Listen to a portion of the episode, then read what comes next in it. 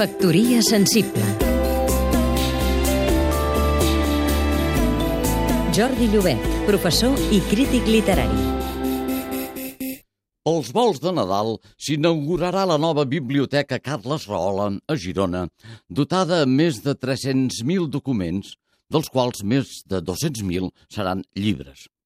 Però si llegim a fons les notícies, ens assabentarem, d'una banda, que hi haurà disponibles més de 40.000 documents audiovisuals i de revistes, i d'altra banda, que aquesta biblioteca estarà especialitzada en gastronomia,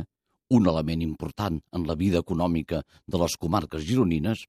en cultura jueva, això és importantíssim, perquè Girona va ser un centre de rabinisme de gran relleu a l'edat mitjana,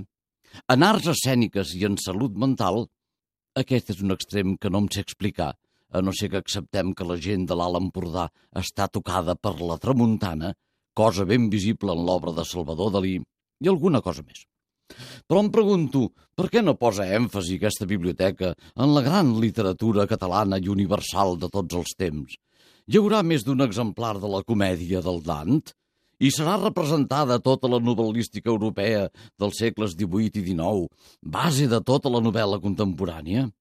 Fem biblioteques, sí, tantes com sigui possible, però posem a l'abast dels ciutadans els llibres que sonen de debò, més que els de cuina o els d'autoajuda, que en realitat ja es troben a tot arreu. Factoria sensible Seguim-nos també a catradio.cat